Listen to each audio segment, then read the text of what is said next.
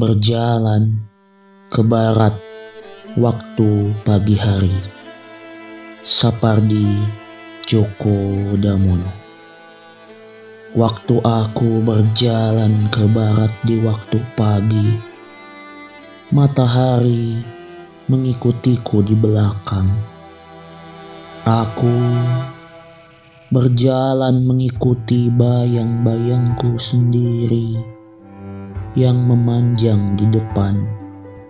Aku dan matahari tidak bertengkar tentang siapa di antara kami yang telah menciptakan bayang-bayang.